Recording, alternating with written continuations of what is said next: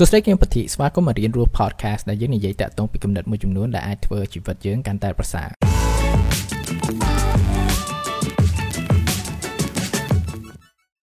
មានឃ្លាមួយជាភាសាឡាតាំងដែលមានអត្ថន័យហើយនឹងអត្ថប្រយោជន៍ខ្លាំងមែនទែនក្នុងជីវិតរបស់ខ្ញុំថាវាជាអ្វីមួយដែលថាខ្ញុំតែងតែគិតឲ្យសមាធិពីវាដល់ថ្នាក់ថាខ្ញុំសាក់វាដើម្បីជាអ្វីមួយដែលណែនាំហើយ remind ខ្លួនឯងចឹងណាហើយ clear នោះគឺ memento mori memento mori ហ្នឹងមានន័យថា ចងចាំថាអ្នកនឹងស្លាប់ព្រោះថាជីវិតយើងវាអត់អមតៈទេគឺថាមនុស្សម្នាក់ម្នាក់គឺថាជីវិតយើងមានកំណត់ហើយខ្ញុំហើយដូចមនុស្សលោកទាំងអស់គ្នាដែរគឺថាវាជាអ្វីដែលដូចគ្នាមែនតើគឺថាជីវិតយើងវាមានកំណត់ធម្មតាបើយើងនិយាយតាក់ទងពីការស្លាប់វាជាអ្វីមួយដែលធម្មជាតិមែនតើសម្រាប់យើងទាំងអស់គ្នាប៉ុន្តែយើងអត់ចង់និយាយពីវាអត់ចង់អត់ចង់គិតពីវាដោយសារអីវាអាចធ្វើយើងភ័យខ្លាចវាអាច យើងចេះគិតថាអូអត់មានហងសុយនិយាយអីចឹងចឹងប៉ុន្តែវាធ្វើឲ្យយើងភ័យខ្លាចលុះត្រាតែយើងគិតពីវាខុសព្រោះថាបើយើងទៅមើលអ្នកដែលសមាធិអ្នកដែលរៀនធម៌អាអីក៏គាត់គិតដែរតាក់ទងពីដែនកំណត់នៃជីវិតរបស់គាត់នឹងតែថាយកមកសមាធិហើយយកមកជួយគាត់ក្នុងការណែនាំផ្លូវថាបើពេលវេលានៅក្នុងជីវិតរបស់គាត់មានកំណត់តើគាត់នឹងចំណាយពេលថ្ងៃនឹងឬក៏ឆ្នាំនឹងសម្រាប់ធ្វើអីដែលសំខាន់សម្រាប់គាត់នឹង បើនិយាយទៅគឺថាដើមកំណើតនៃ clear momentum mori ហ្នឹងគឺនៅចក្រភពរ៉ូម៉ង់ដែល2000ឆ្នាំមុនអីហ្នឹងហើយពេលដែលគេធ្វើសង្គ្រាមធ្វើអីចឹងទៅហើយមេតបមកវិញដោយជ័យជំនះពេលដើរពីជ័យជំនះដើរចូលក្រុងវិញតែងតែមានគេស្រែកហៅថាអូអ្នកឯងល្អណាស់អូបានភាពជោគជ័យអីចឹងទៅហើយពេលមេតបនឹងដើរមកហើយជាមួយនឹងឡើងឆាកឡើងអីចឹងតែងតែមានក្មេងម្នាក់នៅពីក្រោយហើយនិយាយរហូតថា memento mori memento mori memento mori វាជាអ្វីមួយដែល ground ម្នាក់ហ្នឹងធ្វើឲ្យគាត់ចេះដាក់ខ្លួនថាគាត់នៅតែជាមនុស្សទេមិនថាមានភាពជោគជ័យយ៉ាងណាក៏ដោយហើយការដែលយើងជាមនុស្សគឺថាវាមានកត្តាធម្មជាតិមួយចំនួនដែលយើងអាចយកឈ្នះបានទេមួយហ្នឹងគឺការស្លាប់ហ្នឹងអញ្ចឹងយើងកុំធ្វើខ្លួនឯងឲ្យមានអំនួតផ្លិចពីដែនកំណត់របស់យើងហ្នឹងហើយ clear នេះជា clear មួយដែលថាខ្ញុំអាសាយកមកប្រើ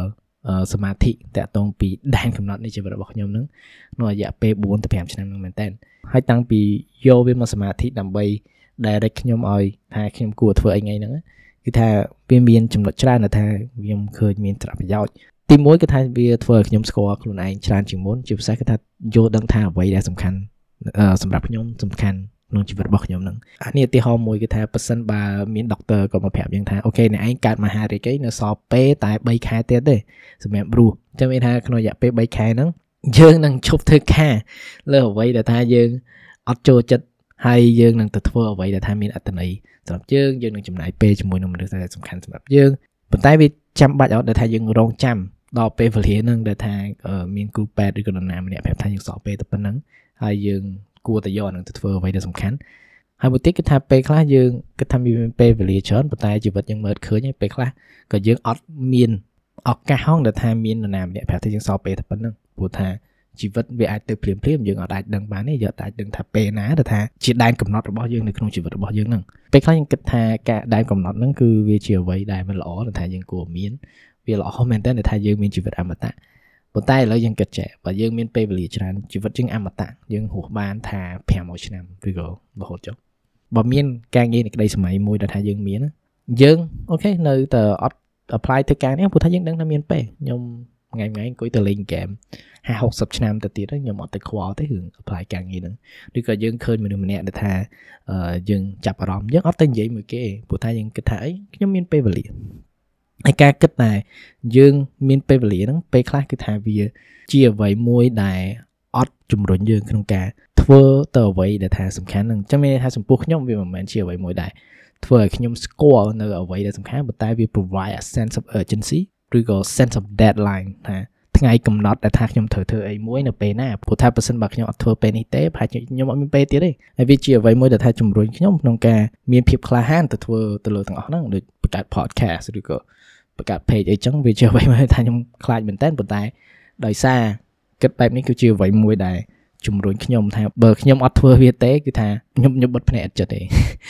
ហើយតែនិយាយចឹងហ្មងទៅអានេះជា clear មួយដែលនិយាយដោយ Seneca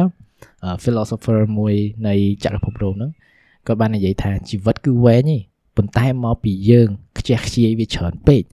ហើយយើងគួរសួរខ្លួនឯងថាមួយថ្ងៃមួយថ្ងៃយើងខ្ជះខ្ជាយវេទនាខ្លះ ការខ្ជះខ្ជាយហ្នឹងគឺជាការចំណាយពេលវេលា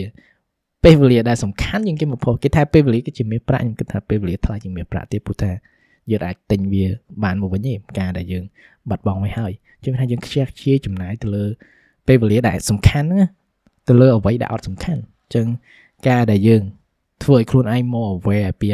mortality ឬក៏ដែនកំណត់ក្នុងជីវិតរបស់យើងហ្នឹងយើងចាប់ផ្ដើមមើលមកពេលវេលាយើងវាខុសពីមុនពេលវេលាគឺសំខាន់ណា ជឿថាចាប់ផ្ដើមចំណាយពេលវាឲ្យកាន់តែល្អឡើងនេះគឺជាអ្វីមួយថាខ្ញុំអាសាខ្ញុំមកស៊ូខ្លួនឯងបើសិនបើឆ្នាំនេះគឺជាឆ្នាំចុងក្រោយនៃជីវិតរបស់ខ្ញុំតើខ្ញុំនឹងធ្វើអីខ្លះតើអ្វីខ្លះដែលថាខ្ញុំនឹងធ្វើ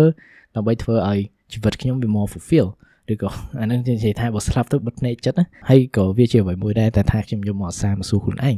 បើថ្ងៃនេះគឺជាថ្ងៃចុងក្រោយនៃជីវិតរបស់ខ្ញុំតើអ្វីខ្ញុំនឹងធ្វើឬក៏អ្វីដែលថាខ្ញុំនឹងមិនធ្វើ ជំនឿថាវាជាអ្វីមួយដែលថាជួយយើងក្នុងការវែកញែកថាអ្វីដែលថាយើង say yes to say no to យើងអ្វីដែលថាយើងគួរយកស្របឬក៏បដិសេធទៅលើព្រោះថាពេលខ្លះគឺថាយើង គេគេស្នើសុំអីយើងចេះតែយកស្របនឹងគេយកស្របនឹងគេឲ្យពេលវេលាយើងគឺថាទៅតាមពួកគេប៉ុន្តែពេលដែលយើងដឹងថាពេលវេលាយើងវាមានតម្លៃខ្លាំងមែនតើប៉ុណ្ណាជឿថាយើងចាប់ផ្ដើមមើលនិងគិតពីការស្នើឬក៏អ្វីដែលទៀមទាពេលវេលារបស់យើងពី អ្នកដតីហ្នឹងចំណុចទី2គឺថាវាចាប់ផ្ដើមធ្វើឲ្យខ្ញុំចង់និយាយថា more present គឺថាផ្ដោតទៅលើពេលបច្ចុប្បន្នច្រើនជាងមុននេះចង់និយាយថាតកតងពី perspective នៃការយើងមើលនៃការស្លាប់ធម្មតាយើងគិតថាការស្លាប់គឺថាគឺជាចំណុចចុងក្រោយដែលយើងនឹងដើរទៅអឺប៉ុន្តែ Seneca នឹងគាត់ធ្លាប់និយាយដែរគឺថាយើងគួរផ្លាស់ប្ដូរតកតងពីការគិតរបស់យើងពីការស្លាប់ការស្លាប់គឺមិនមែនចំណុចដែលថាយើងដើរទៅការស្លាប់គឺជាពេលវេលានៅខាងក្រោយពីយើងនឹង អញ្ចឹងមានថាឥឡូវខ្ញុំអាយុ27ឆ្នាំមានន័យថាខ្ញុំស្លាប់27ឆ្នាំបាត់ហើយហើយខ្ញុំក៏កំពុងតែស្លាប់ដែរព្រោះថាខ្ញុំស្លាប់មួយវិនាទីមុនទៅអញ្ចឹងថាពេលដែលថាបាត់បង់ហ្នឹងគឺថាគឺថាជាពេលដែលស្លាប់បាត់ហើយអញ្ចឹងថាយើងផ្លាស់ប្ដូរនឹងការគិតរបស់យើងហើយយើងមើលមកពេលហ្នឹងគឺថាពេលវេលាឥឡូវហ្នឹងគឺជាពេលមួយគត់ដែលថាយើងកំពុងតែកំពុងតែរស់នៅអញ្ចឹងថាយើងយកពេលហ្នឹងយើងមកប្រើរបៀបម៉េចព្រោះថាអនាគតវាមិនទាន់មកដល់ពេលវេលាបានកន្លងផុតទៅហើយអញ្ចឹងមកថាមានតែពេលបច្ចុប្បន្នមួយគត់ដែលថាយើងកំពុងរស់នៅហ្នឹងហើយមានឃ្លាមួយទៀតដែលនិយាយដល់ Marcus Aurelius គាត់និយាយថាគិតមកខ្លួនឯងថាអ្នកបានស្លាប់បាត់ហើយហើយឥឡូវហ្នឹងអ្នកបានកើតនៅជីវិតមួយថ្មីហើយឥឡូវហ្នឹងយកអាពេលនៃជីវិតទី2ដែលអ្នកកំពុងមានហ្នឹងឥឡូវហ្នឹងគឺចំណាយវាឲ្យល្អចឹងមានថាយើងអត់អាចផ្លាស់ប្ដូរអ្វីដែលថាពីមុនទៅគឺថាវាអតីតកាលបានស្លាប់បាត់ហើយគឺមានតែពេលនៅមុខថាយើង អាចដើរទៅមុខបានអញ្ចឹងយើងអាច free ខ្លួនឯងពី guilt ពីអ្វីថាយើងធ្វើខុសពីមុនហើយមានតែផ្ដោតនៅពេលបច្ចុប្បន្នតើអ្វីទៅតែថាយើងនឹងធ្វើដើម្បីធ្វើឲ្យជីវិតយើងវាមានអត្ថន័យជាងមុន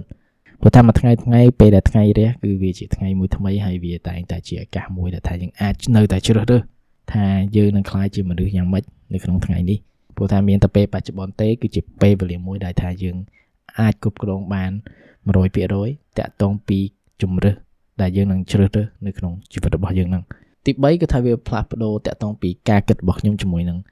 តំណាក់តំណងជាមួយមនុស្សជុំវិញព្រោះថាការដែលខ្ញុំគិតច្រើនតាក់ទងពីដែនកំណត់នៃជីវិតរបស់ខ្ញុំក៏ខ្ញុំចាប់ផ្ដើមគិតដែរតាក់ទងពីដែនកំណត់ពីតំណាក់តំណងឬក៏មនុស្សផ្សេងៗដែលថាខ្ញុំ interact មួយរាល់ថ្ងៃអានេះដូចឧទាហរណ៍ថាពេលខ្លះពេលដែលយើងធ្វើអីមួយពេលយើងខឹងយើងតែងតែបញ្ចេញកំហឹងទៅលើម្នាក់ម្នាក់ហ្នឹងឬក៏ ពេលខ្លះនិយាយឌឺដងឲ្យខ្លះចឹងទៅអានេះគឺថាវាជា tendency មួយដែលថាយើងទាំងអស់គ្នាមានខ្ញុំក៏មានដែរហើយវាធ្វើឲ្យខ្ញុំគិតស៊ីជម្រៅមែនតើតកតងពីអ្វីដែលខ្ញុំបញ្ចេញទៅមនុស្សដែលថាខ្ញុំកំពុងនិយាយជាមួយនឹងព្រោះថាពេលខ្លះគឺថាយើងគ្រាន់តែនិយាយហ្នឹងដើម្បីឌឺដងខ្លះឬក៏អឺយ៉ាវាចេញពីអារម្មណ៍យើងអញ្ចឹងណាដែលមិនមែនជាអារម្មណ៍មួយល្អអញ្ចឹងប៉ុន្តែយើងគិតចេះចុះប៉ះសិនបើ ការសន្ទនាហ្នឹងគឺជាការសន្ទនាចុងក្រោយបំផុតចំពោះយើងហើយជាមួយនឹងគាត់ជឿថាបើគាត់ទៅបាត់ចឹងហើយខ្ញុំខ្ញុំអាចនឹង feel regret មែនតើគឺថាការសន្ទនាចុងក្រោយជាមួយខ្ញុំហើយជាមួយនឹងគាត់គឺវាអត់ end very good ឬក៏ថាខ្ញុំបានស្លាប់បាត់ទៅហើយអញ្ចឹងទៅក៏វាអាចផ្ដល់នៅ memory មួយថា memory ចុងក្រោយរបស់ខ្ញុំទៅគាត់ហ្នឹងគឺថាជា memory មួយដែលល្អ ចឹងមានថាវាជាអ្វីមួយថាវាធ្វើឲ្យខ្ញុំគិតស៊ីជម្រៅតាក់ទងពីអ្វីដែលថាខ្ញុំធ្វើទៅលើអ្នកដតីហ្នឹងថាតើវាជាអ្វីមួយដែលល្អឬក៏វាជាអ្វីដែលថាចេញពីចិត្តខ្ញុំពិតអត់ហើយមិនត្រឹមប៉ុណ្្នឹងគឺថាវាជួយខ្ញុំក្នុងការអឺមើលនិងវិនិច្ឆ័យតើក្រុមមនុស្សណាដែលថាសំខាន់នៅក្នុងជីវិតរបស់ខ្ញុំព្រោះថាបើសិនបើយើងដឹងថាពេលវេលាយើងមានតម្លៃខ្លាំងប៉ុណ្ណឹង យើងចាប់ផ្ដើមចំណាយពេលជាមួយមនុស្សជុំវិញខុសពីមុនគឺថាយើងមិនចំណាយពេលទៅលើ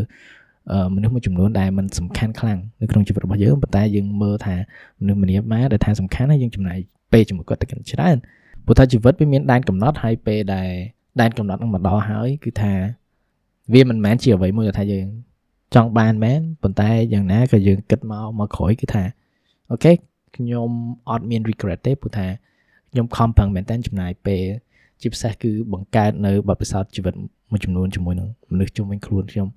ដែលវា authentic ហើយជាមួយនឹង present មែនតើជាមួយនឹងពួកគាត់គឺថាវាចាប់ផ្ដើម create quality time ជំនឿថាយើងអត់ចាំបាច់ដល់ហួសពេលដើម្បីចំណាយពេលជាមួយពួកគាត់ហ្នឹងអូខេបើស្ដាប់ទៅគឺថា clear memento mori សម្រាប់ទៅប្រហែលវា heavy តិចចឹងណាប៉ុន្តែ yeah វាជាអ្វីមួយដែលថាផ្លាស់ប្ដូរនៃការគិតរបស់ខ្ញុំមែនតើតកតងពីការស្លាប់ជាពិសេសគឺថាមិនមែនជាអ្វីមួយដែលថាខ្ញុំគួរភ័យខ្លាចប៉ុន្តែវាជាអ្វីមួយដែលថា ខ្ញុំអាចយកមកជា inspiration មួយដែលថាខ្ញុំអាចធ្វើអ្វីឬក៏ចំណាយពេលទៅលើអ្វីឬក៏មនុស្សម្នាដែលសំខាន់នៅក្នុងជីវិតរបស់ខ្ញុំហើយវាជាអ្វីមួយដែលថាជួយខ្ញុំក្នុងការជ្រើសរើសនឹងធ្វើឬក៏មិនធ្វើនៅ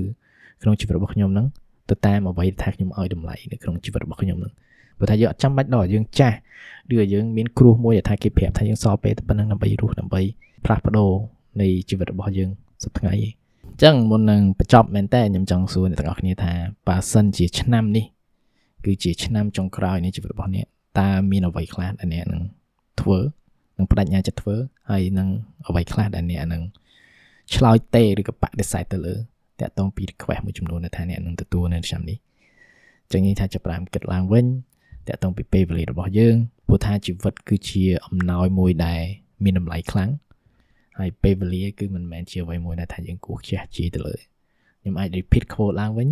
ពីសេនកាហ្នឹងគឺថាជីវិតគឺមានរយៈពេលវែងបើសិនបើយើងអត់ខ្ជះជាវាទេអញ្ចឹងយើងចាប់ផ្ដើមរៀនរស់ដើម្បីឲ្យកាន់តែល្អកាន់តែប្រសើរឡើងវិញអញ្ចឹងអរគុណក្នុងការស្ដាប់ហើយអ្នកក៏អាច subscribe podcast នេះនៅ Google Podcast ជាមួយនឹង Apple Podcast អញ្ចឹងចាំជួបគ្នានៅអេពីសូតថ្ងៃក្រោយក្នុងអំឡុងពេលនេះអភិវឌ្ឍខ្លួនជានិច្ចបាយបាយ